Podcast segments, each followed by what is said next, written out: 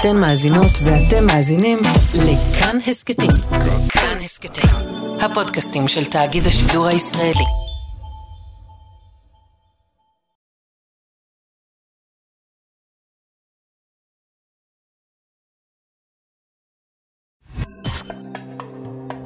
גם כן תרבות, עם גואל פינטו.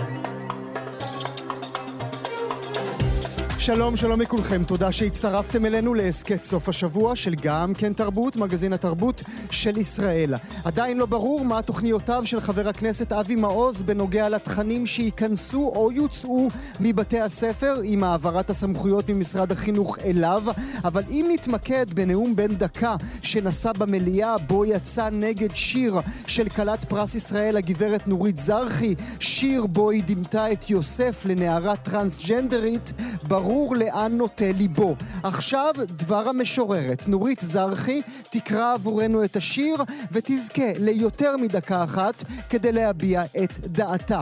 תוכנת בינה מלאכותית שמסוגלת ליצור טקסטים מרשימים מעבודות ידע דרך ברכות יום הולדת ועד שירה וסונטות, משגעת את העולם ומייתרת את אנשי התוכן. התנסינו בה ונדבר במכונת הפלא. וגם הוא כבר זכה בתואר שפע שנה הוא הגיע אל המקום השלישי ברשימת 50 המסעדות הטובות במזרח התיכון, ועכשיו הוא יכול להוסיף תואר נוסף לכובע השף שלו, השף המבטיח בעולם. רז רב יהיה איתנו. עוד אה, דברים רבים על שולחננו, עורכי המשדר אייל שינדלר וענת שרון בלייס, על ההפקה אבי שמאי, בצוות התוכנית בר בלפר ואניה קלזון. האזנה נעימה. גם כן תרבות.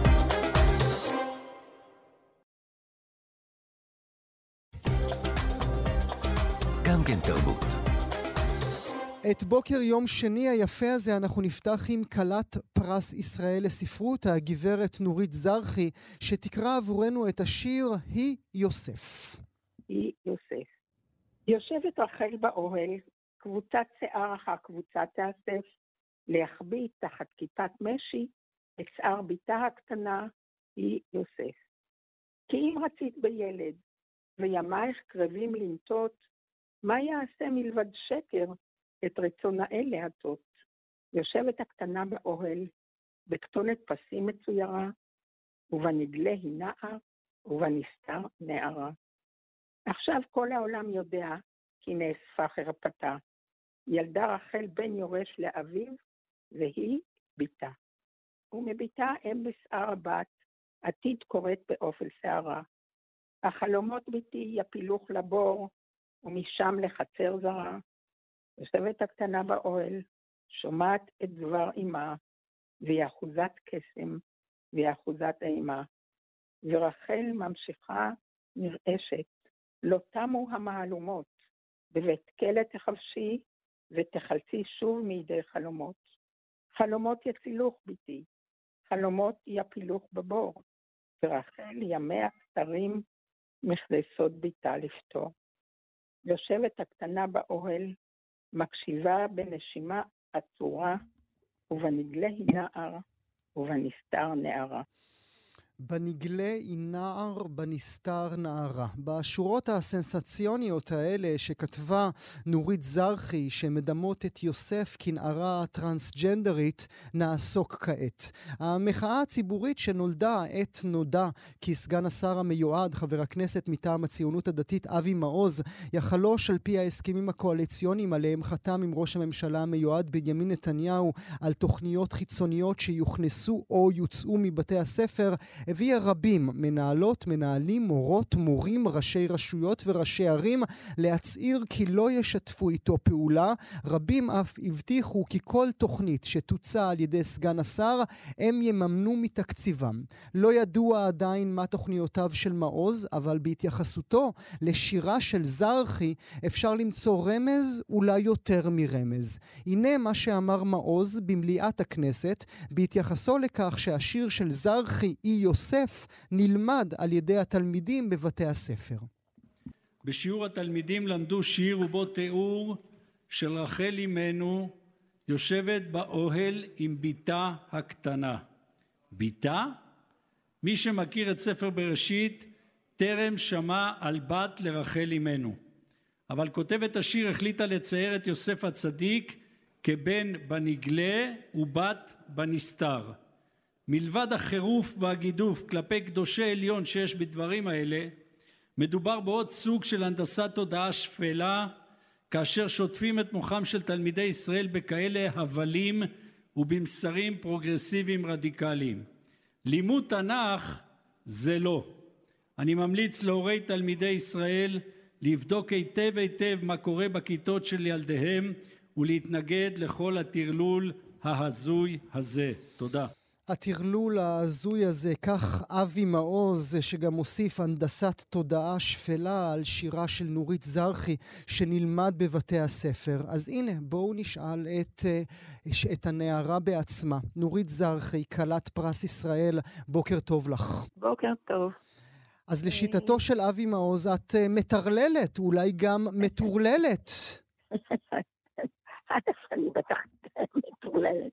והדבר השני, זה כתוב במדרשים, איך בן אדם שמייצג את היהדות כל כך צר, צר ידע וצר הבנה, אבל מעבר לעניין הזה, לתחושתי, וכתבתי את זה מאוד מזמן, בכל אחד, אני לא מדברת על הבעיה שכש...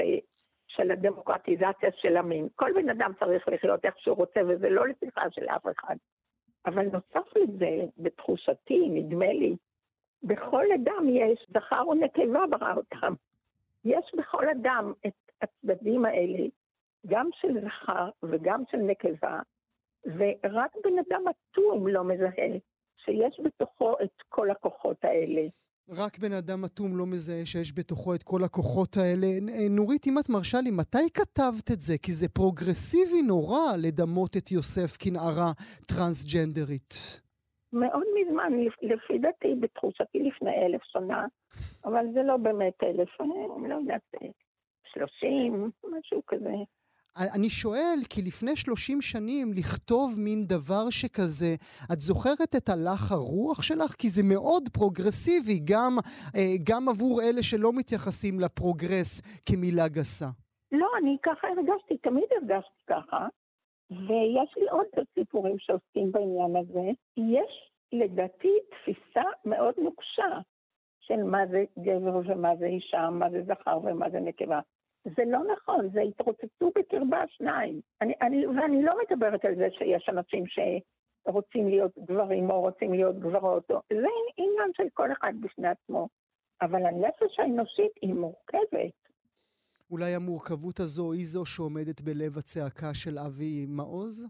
בוודאי, כי קשה לשאת מורכבות, וגם קשה להיות, לתת ביטוי לכל החלקים, הנפשיים האלה, אז סוגרים חלק במחסן והולכים עם חלק אחד, וזה מה שיוצר את הסגירות הזאת, את הבורות הזאת, כי בן אדם צריך לתת לנפש שלו לצאת החוצה ולהתבונן בה. לא רק זה, אלא אה, אה, לימדה אותי ענת שרון בלייס, עורכת התוכנית, שהשיר לא הספיק לך, נורית זרחי, אלא שלימים הפכת את השיר לסיפור שפתח את קובץ הסיפורים הראשון שלך, אומן המסכות. למה הרגשת שזה לא מספיק?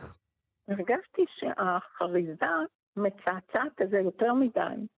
ושיש צורך להגיד את זה בפשטות ובישירות.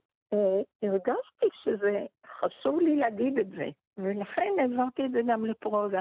את uh, מבינה, uh, יש בך משהו שמבין את האנשים כדוגמת אבי מעוז ואחרים גם החרו אחריו, צריך לומר, שמילא השיר הזה היה נלמד בשיעור ספרות, נו, uh, גם זה אפס, אנחנו לא בעד, אבל בסדר. אבל ללמד את זה בשיעור תנ"ך, כאן כבר יש איזושהי חצייה. אבל זה התנ"ך, אחרת מה טעם בו? זה סיפור על האנושות, זה סיפור על האנושי. אם זה לא סיפור על האנושי, אז לא צריך בכלל להתעסק איתו. לתנ"ך יש ממד נוסף, ואנשים, לא אני, אנשים גדולים ידעו את זה ופרשו את זה, זה המדרשים. כי זה נסתר, זה חומר סודי. במהלך השנים שמעת תגובות על השיר הזה, או שזו פעם ראשונה שאת, אה, אם את מרשה לי, אה, אה, נמצאת בלב סערה? זו פעם ראשונה ואני מאוד שמחה. בעצמי לא היה לי כוח להלום בו. אבל ככה שהוא בעצמו גרר אותי לזה, אז אני יכולה להגיד שזה מפחיד מאוד. צרות מחשבה זה דבר מפחיד מאוד, וזה יכול להוביל לצרות מאוד גדולות, בעיקר במדינה מורכבת כמו שלנו, שהפתרון שלה, תסלח לי שאני אומרת את זה בוודאות כזאת, אבל הפתרון שלה הוא במורכבות, הוא מוכרח להיות מורכב. את אומרת צרות מחשבה זה דבר מפחיד מאוד. את פוחדת? את במצב של פחד? אני לא ממש יושבת בבית ורועדת, אבל אני רואה בעיני רוחי אופציות רעות מאוד, שחורות מאוד. אולי זה לא יקרה, כמו שהרבה פעמים המציאות אה, היא חמקמקה. אז אולי זה יכול להיות ההצלה שלנו. תארי לי אותן, את המציאויות האלה, בפה של משוררת וסופרת. תראה, פשיזם מחשבתי זה אסון. היכולת לא לראות מה זה אנשים, מה זה המדינה הזאת, מה זה תרבות, מה נעשה פה אחרת, אין לנו מה לעשות פה.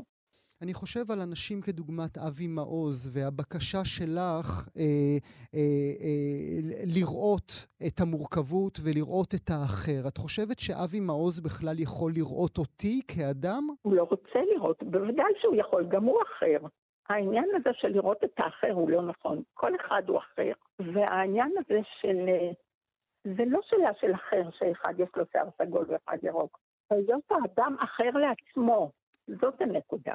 מה זה אומר לעצמו? מה זה אומר? האם אנחנו מכירים את עצמנו? האם אנחנו מפתיעים את עצמנו? האם אנחנו שולטים בעצמנו במאה אחוז? לא.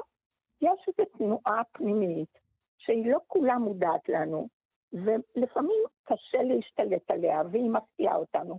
כל העניין של התפתחות, אם יש דבר כזה, זה בנוי על הסודיות של הנשמה, על אופציות נוספות, על חדרים נוספים שיש. כל את... העניין של להיות מילד לבן אדם מבוגר בנוי על זה. אבל את מדברת במונחים של התפתחות. נדמה לי שבלב הגישה של אותם נבחרים היא גישה נגד התפתחות. זו, זו, זו האמירה הכללית שלהם נגד הפרוגרס.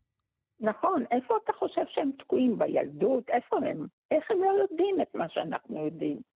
איך זה לא נגלה להם? הרי זה בתוך עצמם. אולי, זה, אולי אנחנו עושים הנחה, נדמה לי, נורית, אם את מרשה לי, אולי הדברים שלנו כאן הם מקלים יותר. נדמה לי שאצלם ההבנה עמוקה יותר, שאנשים מסוגי מסוג, מסוכנים באמת לצביונה של מדינת ישראל. זה לא שהם לא רוצים לראות, הם רואים את הדמון מולם. אבל איך הם תקועים על זה? מה הם בעידן המכשפות? איך הם לא רואים את עצמם כאנשים מורכבים? זאת השאלה. בסדר, הם רואים אותי ואותך כמו מזיקי מדינת ישראל, אבל הם עצמם, איפה הם? יש פה איזו טעות גדולה. בכל הפשיזם, בכל התפיסה הדתית המסוימת מהסוג הזה, איפה האדם? את אומרת המסוימת הזו, הגישה הדתית המסוימת הזו, כדי להוציא מן הכלל את שאר אה, כל אנשי הדת? כן, יש אנשים שהם לגמרי רואים את העניין. הם רואים את היהדות כמורכבת, את הספרים הגדולים כמורכבים. תראה את uh, רבי נחמן, למה אנשים כל כך אוהבים אותו? הוא בן אדם מורכב. והוא ידע את זה, והוא טיפל בזה, ומשם הוא יצא. הקול שלו בוקע מהמורכבות. את יודעת, בתחילת דבריי, נורית, הזכרתי, אה, אה, השתמשתי במילה אה, שאת רואה בשיר את יוסף כנערה טרנסג'נדרית, ופתאום אני חושב שאולי לא ראית אותה ככה, אולי לא ידעת אפילו אז, לפני 30-40 שנים, מהי נערה טרנסג'נדרית, אלא דיברת על פנימיותו של אדם, ש... נכון. שאדם ואישה שוכנים בתוכו. נכון, לא רציתי... לתקן אותך, כי, כי באמת עוד לא ידעתי אז את זה. אבל כן, אני חושבת, זאת תחושתי, שאנחנו מורכבים הרבה יותר ממה שאנחנו יכולים לתת לזה ביטוי. יש אנשים שמצליחים יותר ויש אנשים שמצליחים פחות, אבל אני חושבת, זאת האומנות, וזה התנ"ך, וזה הספרים של היהדות.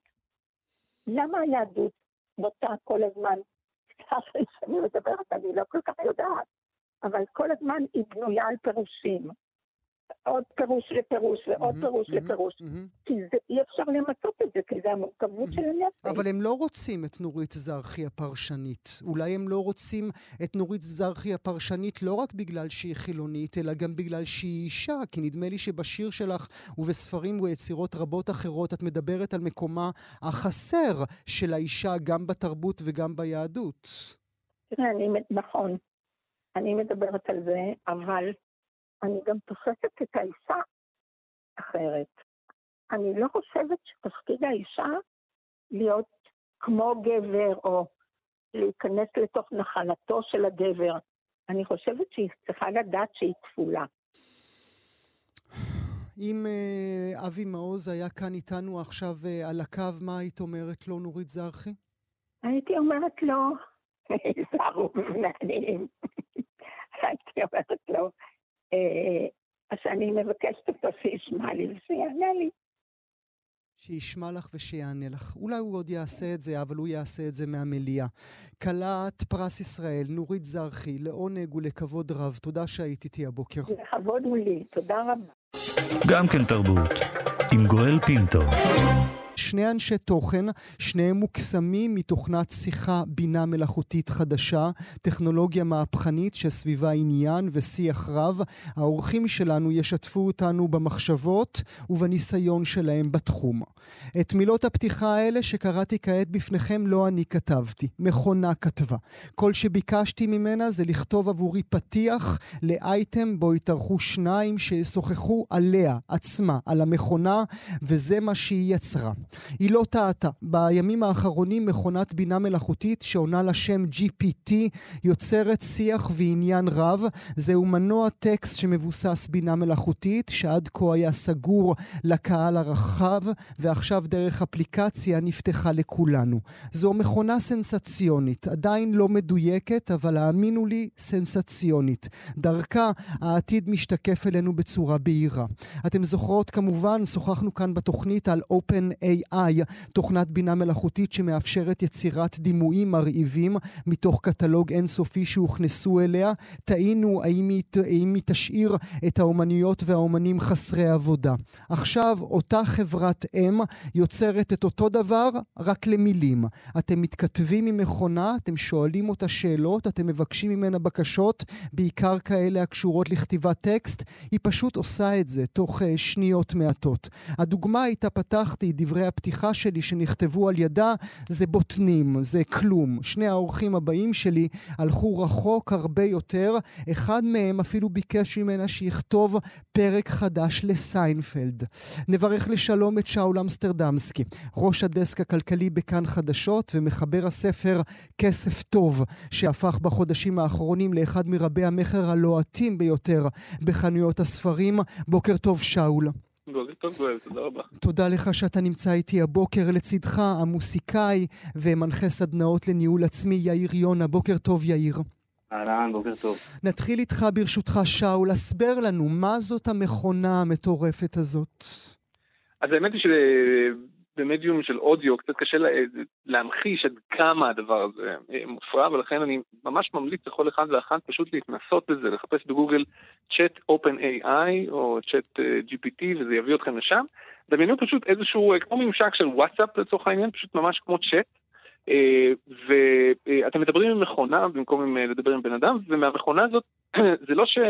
הכיף שם זה לא לשאול אותה מי היה הבן אדם הראשון שנחת על הירח, כי זה לא מעניין, זה אפשר לשאול את גוגל.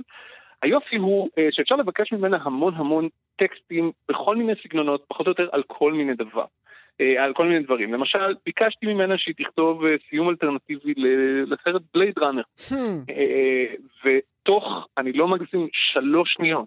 היא כתבה לי איזשהו סיום אה, אלטרנטיבי אה, לבלייד ראנר, שהכיל את כל הדמויות של הסרט, וממש נובע מסצנות הסיום של הסרט, פשוט לוקח אותו לכיוון אחר לגמרי. ואז ביקשתי, אוקיי, אבל אני רוצה את הסיום הזה קצת יותר אופטימי, כי אפשר לנהל שיחה עם, ה, עם המכונה הזאת, ואז היא פשוט לקחה את כל מה שהיא כתבה ושכתבה אותו מחדש ולקחה את זה לכיוון אחר, וכך אפשר לעשות, אנשים יוצרים סצנות של סיינפלד שלא היו ולא נבראו, והכל תוך שניות. לכתוב ברכות יום הולדת, לכתוב עבודות אקדמיות, לענות על שיעורי הבית של הילדים, לא משנה באיזשהו מקצוע. עולם מדהים של אפשרויות, באמת. עד כמה זה טוב, שאול? איזה ציון היית נותן לטקסט ברכת היום הולדת שביקשת ליום ההולדת של אימא שלך? אז לטקסט הבסיסי שהמכונה אה, נתן לי הייתי נותן ציון של שבע, הוא היה בסדר גמור, אתה יודע, הוא לא זה, הוא פשוט לא היה שם, לא היה שם רגש ולא היה שם איזשהו מעוף, ובעיקר לא היו שם פרטים אה, אישיים שקשורים לאמא שלי. כמובן. יפה, אבל אז אפשר פשוט להתחיל להפעיל את המכונה ולהגיד לה, אוקיי, אמא שלי אוהבת לנגן בפסנתר, אנא שלבי את זה בברכת היום הולדת, והיא לוקחת אותו טקסט ומשלבת את זה, ואמרתי, אוקיי, יש לה שני נכדים, מאוד אוהבת לבלות איתם, אנא הוסיפי את זה, ובסוף תוסיפי איזשהו איחול שנגשים אה, אה, את המשאלה שלך ונעשה טיול של ראשים בריגה, כי אמא שלי מאוד מאוד רוצה לעשות את זה, והכניסה הכל פנימה, ובסוף ביקשתי, תכתבי את זה בטון קצת יותר נלהב, ובסוף, תשמע, יצא ברכת יום הולדת לא רעה בכלל, אין לי מה להגיד. א', שאול, קח את אימא לריגה, זה לא מסובך מדי, קח את, קח את אימא לריגה. אבל בהקשר של מה שאמרת, אם אני אבקש מהמכונה לא לכתוב ברכת יום הולדת לאימא של שאול אמסטרדמסקי, אלא לכתוב ברכת יום הולדת ליום ההולדת המאה של לוסיאן פרויד, שאנחנו נחגוג בהמשך השעה הבאה, יהיה לה קל למכונה, כי היא תשאב מהאינטרטנט את כל מה שאנחנו יודעים על לוסיאן, כל סיפור חייו, כל היצירות שהוא צייר, ותוכל לעשות ברכה מרהיבה ביופי שלה. אני מניח שכן, ואני גם uh, אשמח uh, לנסות את זה תוך כדי ש... Uh, תוך כדי שאתם מדברים. שאעבור אל יאיר, כן, כן, כן. כן, וגם אם לא, היופי הוא שהממשק בנוי ככה שאתה יכול to fine tune it, לשחק עם זה עוד קצת ועוד קצת עד שאתה מגיע לתוצאה אה, שאתה באמת רוצה. אז אעבור אליך ברשותך, יאיר יונה, כאמור, כן. מוסיקאי כמובן, מנחה סדנאות לניהול עצמי. עד כמה הפרק שביקשת מהמכונה, הפרק סיינפלד שביקשת מהמכונה לכתוב עבורך, היה טוב, היה מצחיק?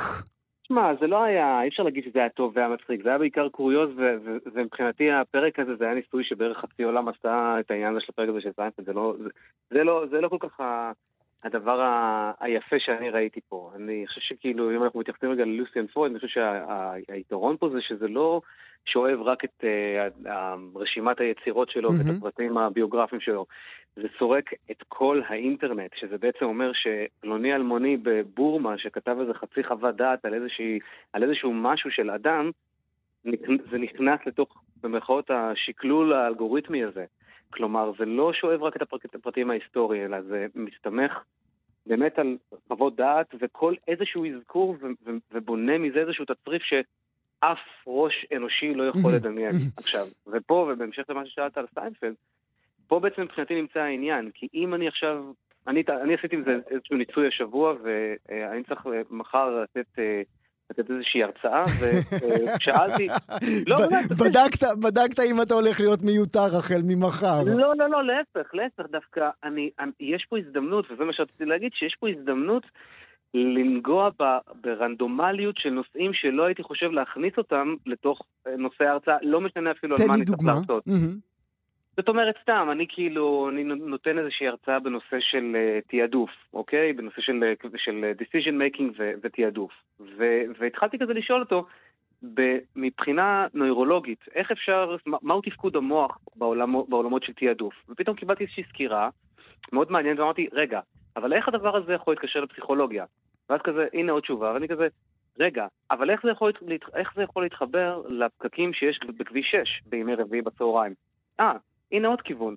רגע, וזה עובד גם בסגול? אה, הנה עוד כיוון. ומה יקרה אם אני אוכל שווארמה תוך כדי? ואז זה פשוט פותח 7,000 טריליארד חדרים בראש וב, ובלב, ש, שלא הייתי מסוגל לחשוב עליהם בלוגיקה הפשוטה שלי, כי וגם אם, היית, וגם אם היית כן חושב על זה, היה לוקח לך ימ, שעות וימים כדי למצוא את כל הנתונים האלה וליצור מהם משהו קוהרנטי או מחשבה קוהרנטית. נכון, אבל, אבל, אבל רוב הסיכוי שלא, אתה יודע, אנחנו חושבים בצורה שהיא חשיבה פריסקופית קצת, אנחנו רואים איזשהו מנעד, איזושהי זווית מאוד ספציפית, אבל לא יכולים לראות 360 מעלות, אף אחד.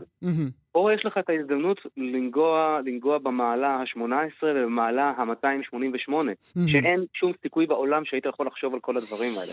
אני, אני רוצה שניגע רגע, שאול, ברשותך, אה, עד פה אנחנו מדברים על הדברים הטובים, ובאמת, זה, זה סנסציוני, אין דרך אחרת להגדיר את, ה, את המציאות מולה אנחנו עומדים עכשיו. אבל אם, כמו שאומר לנו יאיר יונה, אה, המכונה גם הולכת אל חצי העמוד שכתב הבורמזי, אה, על לוסיאן פרויד, זה אומר שהיא גם מגיעה אל המקומות האפלים של האינטרנט, אל הכיעור של המין האנושי, אל הגזענות של המין האנושי. למה שזה לא ייכנס אל תוך החצי עמוד שאנחנו נבקש ממנו על פרויד? זה בהחלט אה, יכול להיכנס לשם, עלול להיכנס לשם. אה, המפתחים של, אה, או האנשים של חברת OpenAI טוענים שהם מכניסים, מכניסים למכונה כל מיני, אני לא יודע איך לקרוא לזה בדיוק, אבל שהם מנסים לקחת את המכונה לכיוון שהוא יותר חיובי, כן, וכולי. למשל, אם אתה תבקש שהוא יכתוב לך טקסט של איך מרכיבים פצצה, הוא יכתוב לך, אני, אני לא יכול לעשות את זה, אני mm. תוכנתתי בשביל להביא טוב לעולם mm. וכל מיני דברים כאלה. הוא ישמח אגב לכתוב לך, ניסיתי את זה, אה, מתכון אה, בצעדים, חמישה צעדים, איך פותרים את הסכסוך הישראלי-פלסטיני. אה, אבל עדיין, זה בהחלט מעלה פה, אה, זה בהחלט מעלה פה שאלות אה, אתיות, כי כמו שאמרת, כשאנחנו לוקחים את כל האינטרנט, אנחנו לוקחים את כל הבייסס שלנו וכל הדעות הקדומות וכל הגזענות שיש בנו כאנשים וכולי וכולי וכולי, ומכניסים את זה לתוך מכונה שיכולה רק to amplify את, רק להגדיל את זה ולהדהד את זה ולהנציח את זה וכולי, ואולי היה צריך לעשות את זה אחרת. מצד שני, זה לא שאני חושב שרגולציה היא הפתרון לדבר הזה, אה, הטכנולוגיה מהירה מדי עבור כל סוג של רגולציה, בטח טכנולוגיה כזאת. לכן אין לי איזושהי תשובה אה, חותכת לא, אבל אנחנו זה, כן, אבל בהחלט בעיה. אנחנו כן למדים, שאול, שאולי המכונה הזו לא תעשה את זה, אבל המכונה הבאה שמישהו נכון. אחר יעשה, היא כן ת, ת, תאפשר נכון, אה, נכון. לכל השכלה להיכנס פנימה. חד משמעית, mm-hmm. חד משמעית, נכון, אין, אין לי איזשהו פתרון טוב לבעיה הזאת. יאיר, אני חושב, ש... כן. אני חושב שאם אני, אם להגיד איזה משהו על זה, אני חושב שזה בסופו של דבר... טכנולוגיה, כמו כל הטכנולוגיות, זה יביא את ה-good, זה יביא את ה-bad, ובסופו של דבר האנושות תצליח לצלוח גם את האתגרים החדשים שטכנולוגיה חדשה מביאה, כמו שתמיד קורה. זה תמיד יש איזושהי עמידה קצת מפוחדת מצד אנשים מסוימים, וקצת אה, נלהבת מצד אנשים אחרים בפני כל סוג של פיתוח טכנולוגי, ועד כה אנחנו מצליחים בינתיים לשמור בפחות או יותר על תקינות, פחות או יותר, פחות או יותר, mm. על, על תקינותה של האנושות או, אנחנו רואים, אנחנו רואים מה האינטרנט עשה לכולנו, לאנושות כולה ב-20 השנים האחרונות. אבל, אבל אתה יכול להגיד, אבל הנקודה היא שזה, קרו דברים מופלאים וקרו דברים נוראים, ובסופו של דבר אדם הוא אדם, והבחירה שלו, הבחירה שלו היא מה שייקח את ה... מעניין. בחירת איך לשמש בטכנולוגיה. אתם מרשים לי ברשותכם שניכם רגע שנדבר על כתיבה, אה, אה, בכל זאת אנחנו כאן בתוכנית תרבות. יאיר, האם, אה, אנחנו כבר יודעים, המכונה הזאת תדע לכתוב ספרים. זה, זה השלב הבא, זה ייקח תוך רגע ממש, כמו שאמרה מאיה סלע ויובל אביבי אתמול בתוכנית הספרות שלנו, מה שכרוך. אפשר להניח שבעתיד הקרוב אנחנו ניכנס לחנויות ספרים ונראה מדף של ספרים שנכתבו על ידי בני אדם ומדף של ספרים שנכתבו על ידי בינה מלאכותית. אבל יאיר, האם המכונה תוכל אה, להכניס, האם היא יכולה להכניס למילים שהיא כותבת את הרוח שיש לכותב, את הרוח של אורלי קסטלבלום? זו שאלה פילוסופית מאוד מאוד שקשה, שקשה מאוד לענות עליה, כי, כש, כי אז אני אשאל אותך מהי הרוח של אורלי קסטלבלום. אם אני מצליח בתור מחשב למדל את כל הפרטים ההיסטוריים של אורלי קסטלבלום, את כל הדברים שהיא אי פעם אמרה, כל פעם דברים שאי פעם כתבה, כל חצי פרסום שלה. שחוותה, האם, שחוותה, האם... לא אמרה, שחוותה. שח... אני לא יודע, במושג חוותה זה כבר, זה, זה יהיה הרבה יותר, כאילו זה, זה מאוד קשה לענות על זה, אבל אני חושב שאפשר להתקרב, לבנות איזשהו מודל שמתקרב במידה די רבה למה שקרוי הווייתו של אדם. האם זאת תהיה הווייתו של אדם? לא, כיוון שהווייתו של אדם משתנה כל הזמן. יכול להיות שברגע נתון אורלי קסטבלום, בשם קוד, תחליט לרדת מהרשת וכל שינוייה מרגע זה והלאה בעשר שנים הקרובות כביכול כבר לא יתועדו בשום mm-hmm, מקום, mm-hmm. אז המכונה כבר לא תדע מי. וללא התיעוד היא לא המכונה חסרת אונים, כן. אה, היא, היא, לא, היא, היא יכולה לנחש במידה מסוימת, אבל אתה יודע, הנבואה לשוטים, אני, אין, מדובר, כמו ששאול אמר, בשנייה שאנחנו נושמים כרגע, כבר התפתחו 700 וריאציות טכנולוגיות חדשות מהירות יותר, ו... אין לנו מושג חוץ מלעמוד, אין לנו גם יכולת חוץ מלעמוד בהשתאות ולהגיד, בוא נקווה שנהיה mindful וחכמים לעשות שימוש טוב בדבר הזה ולא נהיה... לעמוד בהשתאות.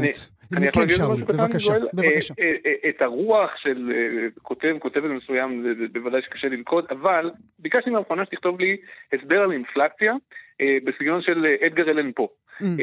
והיא עשתה את זה. ממש ממש עשתה את זה. לא שהייתי חושב שאדגר אלן פה כתב את הטקסט הזה, אבל זה, זה מאוד היה הוא. מממ. ואחרי זה ביקשתי את זה בסגנון שייקספירי, ואחרי זה ביקשתי את זה בסגנון של איין ראנד. זה לגמרי, לגמרי, זה לא שם, אבל, אבל, זה... אבל, זה, אבל זה רק הסגנון, השאלה אם יש את נכון, הניואנסים נכון. של החצי לא, הומור לא, הקטן. בוודאי שלא, בוודאי שלא. בוודאי שלא, וזה, אני, אני אגב לא חושב שכל כך מהר המכונה תכתוב ספרים ויהיו לנו ספרים אה, שנכתבו על ידי מכונה, אם כן הם יהיו נורא נורא משעממים, אבל גם אה, לדעתי. לכתוב את הסג... לתפוס את הסגנון היא יודעת כבר עכשיו. האם יש אה, סיכוי שהמכונה הייתה יודעת לכתוב פרק בכסף טוב, הספר המצוין שלך? לא, לא מאמין, לא. תגיד למה. כי, כי היא, היא לא מבינה כלום. זאת אומרת, זה, זה כאילו בינה מלאכותית, אבל אין, אין שם באמת בינה. היא לא, היא לא באמת מבינה מה היא עושה, אין לה תודעה, היא לא יודעת איך לדבר עם בני אדם. היא יודעת לעשות סינתזות מופלאות, באמת, של, של חומרים שנמצאים שם בחוץ, אבל אה, ברגע שאתה מתנסה איתה, אתה מבין שאין לה צל של מושג על מה היא מדברת, ולכן אם תשאל אותה למשל מי זה גואל פינטו, היא תכתוב לך מי זה גואל פינטו, אבל זה יהיה קשקוש מקושקש. נשאל אותה בהזדמנות. יאללה. אנחנו uh, ניפרד לשלום, אנחנו ניפרד בהשתאות, לא בפחד. אני בוחר, אני בוחר את הצד הזה בינתיים של, ה, של המכונה. נודה מאוד לשניכם ונאמר לכם, מאזינות ומאזינים, GPT, פשוט GPT, ייכנסו אחרי התוכנית, כן? לא עכשיו, עכשיו יש לנו דברים חשובים על הפרק. Uh, uh, GPT, תשחקו עם זה, את- אתם תמותו, אתם פשוט תשתגעו. שאול אמסטרדמסקי ויאיר יונה, תודה לשניכם שהייתם איתי. תודה רבה. גם כן תרבות, עם גואל פינטו. בחודש יולי נחתה בתיבת הדואר האלקטרוני של כ-1,700 מבקרי קולנוע מרחבי העולם בקשה. אנא דרגו את הסרטים הטובים ביותר בעיניכם בהיסטוריה של הקולנוע. את המייל שלחו אנשי המגזין הבריטי Sight and Sound, שפעם בעשור, משנת 1952, מכינים רשימה שנחשבת ליוקרתית ביותר של הסרטים הטובים ביותר. והנה התוצאות הגיעו. אל המקום החמישי אה, מצב רוח לאהבה של וונג קאר וואי, אל המקום הרביעי מגיע סיפור טוקיו של יאסוג'ירו אוזו, אל המקום השלישי האזרח קיין של אורסון ויילס, אל המקום השני ורטיגו של אלפרד איצ'קוק. ואל המקום הראשון, אם היו לי תופים, אל המקום הראשון הגיע סרט שהותיר את כולנו המומים.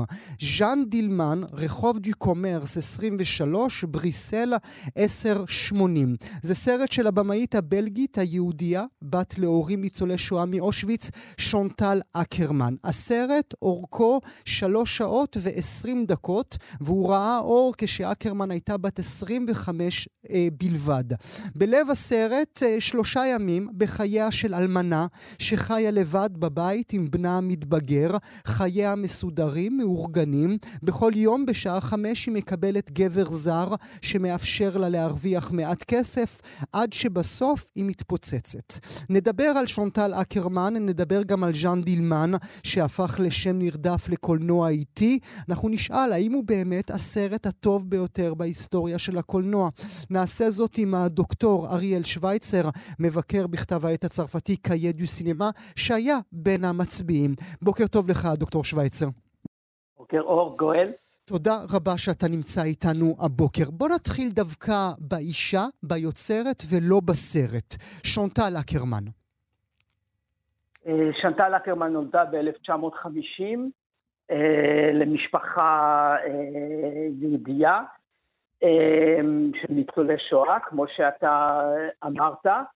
היא מתחילה לעשות סרטים בגיל מאוד מוקדם, בגיל 16-17 היא עושה את הסרטים הקצרים הראשונים שלה. לאחר מכן היא, היא נוסעת לניו יורק ושם היא אה, בעצם מתווד... מ- מ- אה, עושה היכרות עם, אה, עם קולנוע מסוג חדש, קולנוע אקספרימנטלי. היא הופכת להיות למבקרת קבועה בסינמטק של ג'ונאס מקאס, ה Anthology Film Archive, וממשיכה לעשות סרטים גם בניו יורק. אה, במחצית שנות ה-70 היא חוזרת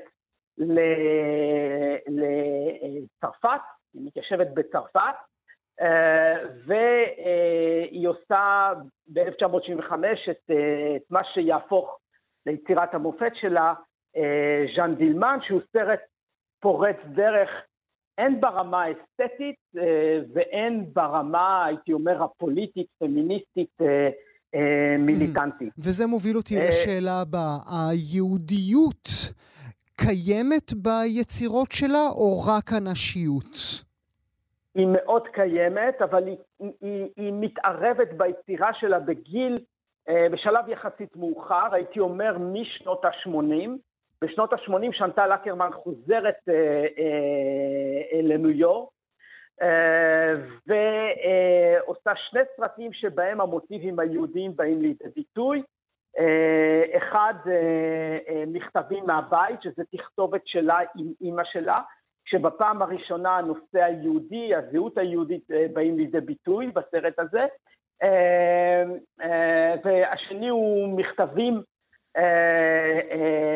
לאמריקה, מכתבים מאמריקה, שהם מכתבים, סרט שמוקדש למכתבים של מהגרים לארצות הברית, ביניהם הרבה מאוד מכתבים אה, מצד יהודים. ואפשר להגיד באופן כללי אה, שהזהות של שנטל אקרמן היא גם זהות של אדם נודד, והחיבור שלה ליהדות היא, היא דרך הפריזמה של הגלותיות, של הנדודים, והביאה אותה בסופו של דבר גם לישראל, מכיוון שב-2006 היא עושה סרט בישראל שנקרא לבא אי שם, mm-hmm. שבה היא מנסה אה, לשאול שאלות על הזהות היהודית שלה אל מול מדינת אה, ישראל. למציאות mm-hmm. הישראלית. כן. בוא נדבר ברשותך בדקות שנותרו לנו על אה, ז'אן דילמן. אני, אני חושש שתכעס עליי, כי הסרט הזה, אה, גם אתה הצבעת עליו בעשירייה שלך, בטופ 10 של הסרטים בהיסטוריה של הקולנוע.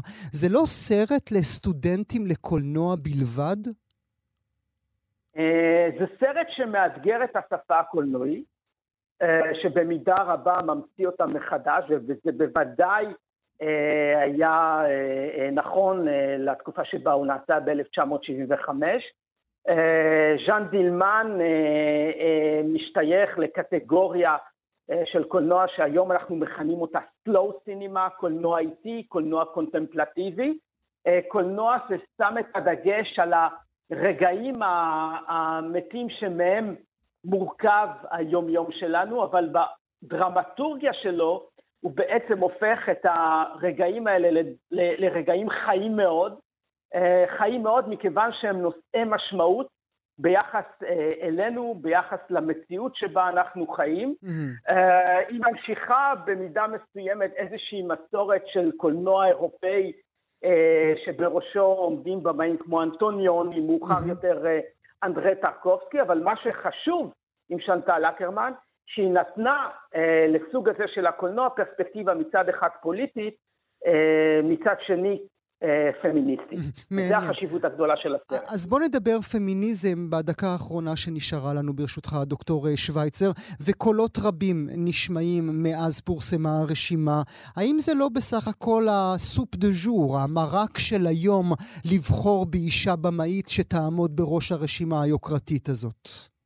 אה, קודם כל הסרט היה ברשימה כבר לפני עשר שנים, ב-2012, אלא שהוא היה במקום ה-36, והוא עשה באמת קפיצה חסרת תקדים של 36 מקומות, שהיא ללא ספק קשורה אה, לתהליכים חברתיים ותרבותיים שאנחנו אה, עוברים מזה חמש, שש אה, או שבע שנים, אבל אם הודות לתהליכים האלה, סרט של אישה וסרט אה, כל כך חשוב שמאתגר את השפה הקולנועית, את השפה הקולנועית, מגיע לראש הרשימה, מה טוב. Mm. ומה טוב שהסרט הזה מעורר סערה ומעורר דיון, אה, וזה בעצם מה שאנחנו מחפשים. אנחנו מחפשים סרט שיוציא אותנו מהשיח הקונבנציונלי, שיאתגר אותנו, שיגרום לנו לחשוב.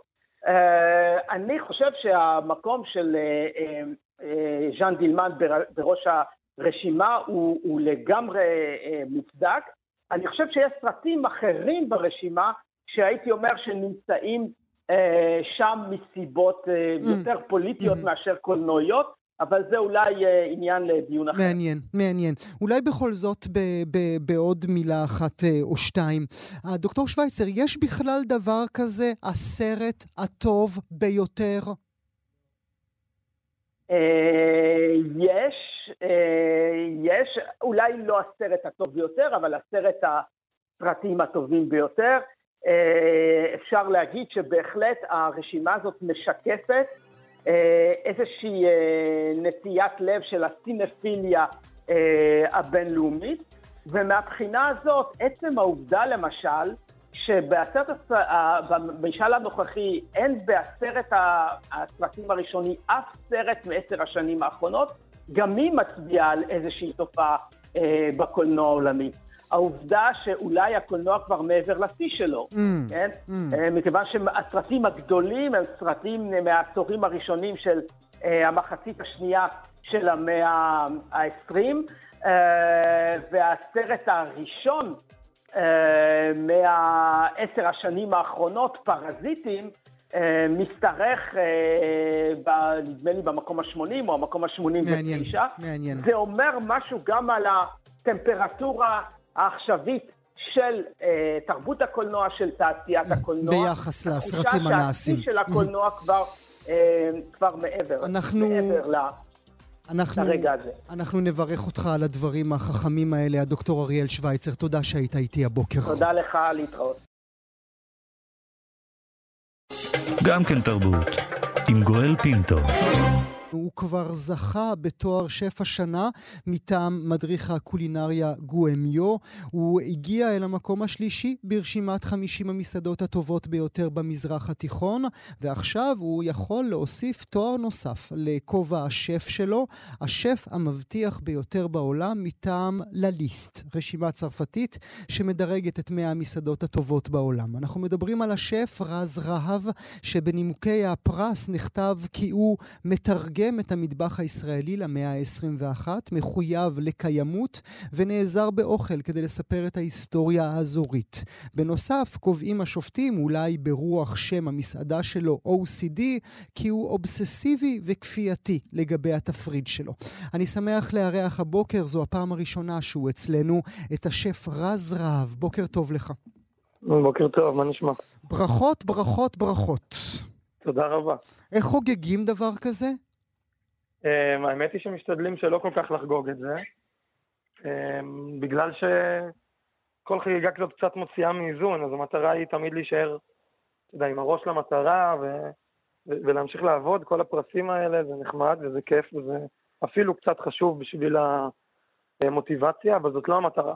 זה, זה אבני דרך שאומרים שאנחנו בכיוון הנכון להשיג את מה שאנחנו רוצים, וזה לחקור ולהבין את הקולינריה המקומית ולהשאיר איזושהי מורשת אחרינו בתחום הזה. אה, אז החגיגות הן, אה, אתה יודע, כמה שעות בודדות. כמה זמן, כמה, כמה יש לנו רגעים של שמחה בחיים, רז? זה נכון. אנחנו אוהבים לחגוג פעם בתקופה, גם אני אישית במשפחה, אבל גם אנחנו במסעדה, פעם בתקופה כמה הישגים ביחד. Mm. כן. אז אנחנו מציינים את זה, בוא נגיד, אני מקווה שנציין את זה ב, נגיד בסוף השנה. בסוף החודש, שנציין את כל מה שעברנו השנה האחרונה, את כל מה שעברנו עליו. ועברת, ועברנו, ועברת. נכון. אתה, אתה מדבר בלשון אה, רבים כל הזמן, נכון? זה, זו התמה שלך. זה לא אתה נכון. לבד, זה אני חלק. נכון, אני לא יכול לבד. לבד זה נחמד, אבל עדיין הייתי טבח, אה, טבח צעיר שמבשל להנאתו. בסוף יש כאן uh, כמה צוותים חזקים מאוד וחשובים מאוד, שבלעדיהם לא היינו עושים את מה שאנחנו עושים. אה, וגם אה, משפחה שתומכת בזה. Mm, mm, mm. אתה מדבר על המטרה, העין למטרה, זה קצת טרמינולוגיה צבאית, אבל אתה יודע לשרטט לעצמך את המטרה הזאת? אתה יודע להגדיר אותה במילים? אני חושב, יש איזשהו הבדל בין, אה, בין מטרה לבין אה, חזון. אנחנו מדברים על חזון. כי כשאתה מדבר על מטרה, זה משהו שאתה רואה בעין, ואתה יודע מה הפעולות שאתה צריך לעשות כדי להגיע אל המטרה. וחזון זה משהו שאתה יודע לעצום את העיניים ולדמיין איך הוא נראה, אבל אין לך מושג איך להגיע לשם, ואתה גם, גם כנראה לעולם לא תגיע לשם, כי הוא תמיד ימשיך קדימה ביחד איתך. ואנחנו אה, אנשים של חזון, אנחנו רוצים להיות חלק ממה שאולי עוד שנתיים יהיה המטבח ה- הישראלי, כי עדיין אין דבר כזה, זה מטבח בהתהוות, אה, עם כל הקיבוץ גלויות שכל שהולך פה, אז אנחנו רוצים להתוות איזושהי דרך, אנחנו רוצים להיות חלק מהמחקר הזה והפיתוח. של מה שיהיה עוד שנתיים, ל- עוד ל- אני, אני מנסה לדייק אותך כדי, כדי שאני עצמי אבין. להתוות דרך עבור הקולינריה הישראלית בכלל, או עבור מר רז רהב? אז קודם כל זה עבורי, כי מי אני שיתווה לכולם. אבל אני רוצה להאמין שאולי לפחות עוד כמה אנשים יסכימו עם מה שאני אה, חוקר ולומד, ואולי ייקחו את זה גם לעולמות שלהם.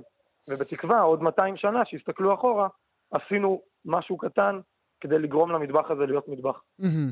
איך קרה שהילד הנחמד מקריית אונו הגיע לאן שהוא הגיע בשנה האחרונה? אה, הרבה מאוד אה, אמונה, אבל בעיקר גדלתי במשפחה מאוד מאוד אופטימית. ש... שגידלה אותי לזה שגם אם קשה וגם אם נורא, וגם אם יש עכשיו סתם קורונה כמו שהיה לפני שנתיים, אז הכל יהיה בסדר. אנחנו רק צריכים להמשיך להאמין בעצמנו ולעבוד קשה, ואנחנו יכולים הכל. קצת גדלתי כמילניאל אה, להורים שתמיד אומרים שהכל בסדר ואתה הכי טוב, אתה הנסיך. אבל הם נתנו לי לעבוד מאוד קשה בשביל להבין שזה נכון, Mm, ולא נתנו לי את זה על מגע של כסף. mm, mm. אז uh, עם העבודה הקשה הזאת והאמונה שאני יכול הכל, אני חושב שבשנתיים, שלוש האחרונות כתבתי כמה פירות, ובגלל החינוך שקיבלתי, אני לא נותן לעצמי לנוח על זה. ולהבין שזה נחמד והכל, אבל אם, לא, אם, אם אני לא אמשיך לעבוד, אז אני לא אמשיך להגיע לדברים כאלה, או שאני לא אגיע למטרה שלי או לחזון שלי, ואחד הדברים הכי, שאני הכי לוקח לעצמי, זה משהו, וזה משהו שאני אמרתי בעבר, אה, אחרי פרס, אחרי הזכייה במקום השלישי ב, במזרח התיכון לפני שנה, חזרתי מאבו דאבי, אני ושותפים שלי, חזרנו כאן למסעדה, נכנסנו לצוות, כל הצוות מאוד מאוד שמח, שפך עלינו יין וזרק עלינו עוגות שוקולד, והדבר הראשון שאמרנו להם זה, זה נחמד שנתנו לנו פרס שעכשיו אנחנו מקום שלישי, או שזה נחמד שנתנו לנו פרס שעכשיו אני השף המבטיח, וזה נחמד ונחמד ונחמד, אבל את הפרסים האלה קיבלנו על מה שהיה, ולא על מה שיהיה, כי אף אחד לא יודע מה יהיה בעתיד. הם יודעים להגיד שעד השנה האחרונה היינו X, והמבקרים אכלו במסעדה ארוחה Y. אבל אנחנו, כדי להמשיך להיות טובים, צריכים להבין שמה שקורה היום Mm. בערב, Mm. הוא לא, הוא לא בצל הפרס, Mm. הוא לא יכול להיות בצל הפרס. אתה לא אנליטי מדי בשיחה איתי ובכלל בהתנהלות שלך בחיים. אה, זה מין שיח של אה, גורו זן שמלמד את העולם איך צריך להתנהל בו. ואני בא לי שתתפוצץ ותגיד לי, אה, הגעתי לאן שהילד שבי לא חלם אף פעם. קודם כל זה נכון, הגעתי לאן שהילד שלי לא חלם אף פעם, בקצב שלא חשבתי שזה יקרה, כי חשב, האמנתי מעצמי, האמנתי שאני אגיע לזה. אה, לא, לא ידעתי לציין בדיוק למה הייתי מגיע, אבל ידעתי שאני אגיע לגדולות. להגיד לך איך, מתי, כמה, איפה, לא ידעתי. שזה יקרה כל כך מהר, בוודאות לא חלמתי. אה, ו... אבל עוד פעם, אני בסוף בן אדם די אנליטי, אה, וגם אה, נגעת נכון, אני קצת רוצה להשתמש באוכל כמתודה להעביר תרבות. עכשיו, אני, אני טבח, די טוב, לא הכי טוב שיש פה, יש כאן כמה שפים מטורפים, שפשוט המטרה שלהם היא כנראה קצת שונה משלי, ושלי היא לחלוטין תרבותית חינוכית, ואני לא מתנגד את זה. אני מקווה שאנשים שעבדו אצלי, שיעבדו אצלי, שאני אעבוד איתם, אה, או שאפילו שמעו אותי מדבר או אכלו במסעדות שלי, יהיו אנשים קצת יותר רגועים ונחמדים על הכביש, בתור בסופר, אה, דברים שאנחנו קצת שוכחים שאם בן אדם לא יודע לקבל שירות, הוא גם, גם לא יודע לתת שירות. או אם בן אדם לא יודע אה, להתנהג כמו בן אדם במ- במסעדה, אז הוא גם לא יודע לעמוד בתור לסופר כמו שצריך Mm, בצורה מנומסת. mm, mm. כל הדברים האלה מתחברים לא- לאותו דבר. ואנחנו תמיד מנסים להעביר את זה. אני אה, עוד רגע אשאל אותך, אמרת קודם, ידעתי שאני אגיע לגדולות, ואשאל אותך האם זה בגלל אימא'לה. האם, האם היא זו שהשרישה בך את, ה, את, ה, את, את הכוח הפנימי הזה, ש, ש, שאפשר דרכו אפילו להביע מילים גדולות כאלה, אבל עוד לפני כן, אם אתה מדבר על תרבות, אז בעיקר התרבות שלך זה הקיימות? אה, עיקר התרבות נוגעת בהמון המון דברים, וזה לא משנה אם זה תרבות אוכל או קיימות או תרבות בין אנשים. היום אנחנו משתמשים הרבה בקיימות, עוד פעם, כמתודה. אה, אנחנו משתמשים בזה כי זה חלק מהכלים שיש לנו. אם אנחנו משתמשים באוכל לרוב היום, אז אם כבר אנחנו עושים את זה, אז בואו נעשה את זה הכי טוב, ואם לעשות את זה הכי טוב אומר גם לא לזרוק אוכל, ודרך זה לגעת בעוד קהל, מהמם. ומעבר לעוד קהל, זה לחנך את הצוות שלנו ואת עצמנו על הדרך, אה, להתנהל נכון יותר מול האוכל, לכבד אותו. אם כבר חתכתי עגבנייה, או דג, או בשר, אז בואו נשתמש בכולו כמו שצריך, כי זה פשוט לכבד את הכסף שהוצאנו, לכבד את העולם. אין כאן איזשהו אג'נדה של להציל את כדור הארץ ולהתאחד. לא, אבל היא כן לגמרי. חלק מה, מה, מהמסורת הנרקמת בעולם כולו, בכל הנוגע נכון. לקיימות ולסביבה. חד משמעית, אנחנו לוקחים את זה לתוך מקום של לכבד. כמו שאני רוצה לכבד את נותני השירות, אני רוצה לכבד את חומר הגלם. ואני לא אזרוק את הקליפות של עגבנייה אם יש לי בידע שלי ובטכנולוגיה שאני עובד איתה, דרך להשתמש בקליפה הזאת, כי חבל. Mm, mm. איך אתה מצליח לא לעוף על עצמך? אנחנו רואים את כל הקולגות שלך, כל אחד הראש שלו גדל לגודל של כדור הארץ, איך אתה מצליח שלא? קודם כל, לפעמים אני קצת עף על עצמי, וזה בסדר. אה, לפעמים אני צריך איזשהו קתרזיס כזה פעם בחודשיים. יוצא לי שאני קם ביום בבוקר, שאני באמת עף על עצמי. להגיד לך שאני אוהב את זה, לא מאוד, אבל בסוף בלילה, אחרי שאני נרגע, אני אומר, אוקיי, זה היה לי חשוב. השש פעמים בשנה הזאת בממוצע, הן חשובות גם כדי שאני אמשיך להתנהל בצורה שאני רוצה להתנהל בה, אז לפעמים אני צריך לשחרר קצת קיטור. אה, זה אחד. דבר השני, יש לי סביבה מאוד מאוד תומכת. בין אם זו הצוות, אה, או החברים הכי טובים, או המשפחה, ששומרים עליי. שומרים עליי, מורידים אותי, מורידים אותי בצורה בריאה. Mm-hmm. מזכירים לי למה אנחנו כאן, מי אנחנו כאן, וזה שבסוף אני רק קם בבוקר ומבשל. Mm-hmm. Mm-hmm. אני לא רופא, אני לא מציל את העולם, אני לא uh, מציל חיים, אני רק טבח. וזה. אני זוכר שכל זמן שאני רק טבח. Mm-hmm. אתה מציץ לפעמים בביקורות המחורבנות שקיבלת במהלך הדרך? אני מציץ בהם המון, אחד הדברים הכי כיפים, וכשאני מסתכל אחורה ואומר איזה כיף שעשיתי את זה, היה בשנים הראשונות שקיבלנו ביקורות לא נחמדות בלשון המעטה, היינו יושבים, ארז עידן ואני, ארז עידן שותפים שלי למסעדה, יושבים, קוראים את הביקורות, וזה לא משנה אם זה היה סגי כהן, אבי אפרתי וכו', קוראים את הביקורות ועושים טבלה, אהבו, לא אהבו. בתוך לא אהבו, יש לי מה לעשות עם זה, אין לי מה לעשות עם זה. ואם מה שבסוף הגיע לטבלה של יש לי מה לעשות עם זה, כשזה לא היה טוב, שינינו. כי למדנו מזה, בסופו של דבר, מעריך את המקצוע שלהם, לא מעריך את המקצוע שלהם, איך שהם עושים את זה או לא איך שהם עושים את זה, בסוף הם לקוחות. והם אורחים שישבו במסעדה ולא נהנו ממשהו. Mm-hmm. אז אני כנראה יכול ללמוד מזה. אולי אני מסכים עם זה, אולי לא, אבל יש משהו בדברים שהם אומרים, ואני יכול להגיד שחלק מאבני היסוד הכי גדולות של OCD הייתה לקרוא ולהקשיב לביקורות, וזה לא משנה אם זה בהארץ, בוואלה, במאקו, או בגוגל של אורחים אמיתיים שישבו כאן ולא כתבו על זה באיזושהי קבוצה רחבה. הזכרתי קודם את אימא. אה, במסעדה שלך גם אוסף הקומקומים שלה משמש להגשת חלק מהמנות, וזה לא שהייתי שם, כן, אני מנסה כל הזמן להזמין מקום, אני עוד לא מוצא מקום פנוי כבר חודשים, לא יודע, אולי השיחה הזאת תעזור. אה, חוץ מזה, אתה גם מגיש את המרק הכתום שלה ואת העוף בתנור.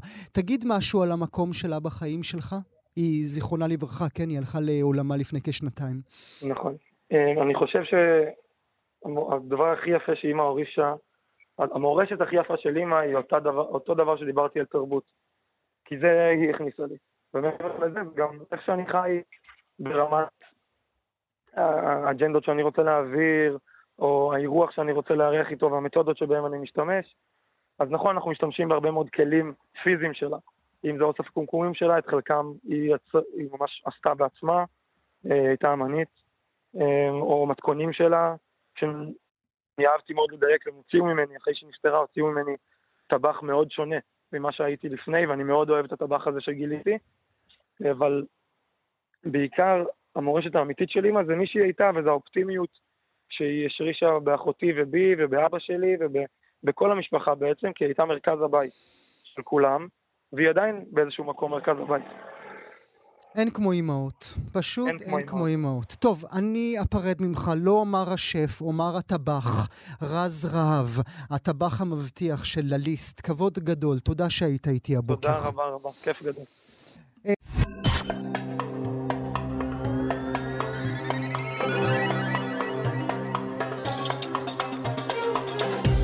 זהו, מאזינות ומאזינים, אה, הגענו לסיומו של הסכת נוסף מבית גם כן תרבות, מגזין התרבות של ישראל, כאן אצלנו ברשת כאן תרבות. עורכי המשדר אייל שינדלר וענת שרון בלייס, על ההפקה אבי שמאי, בצוות התוכנית אניה קלזון ובר בלפר.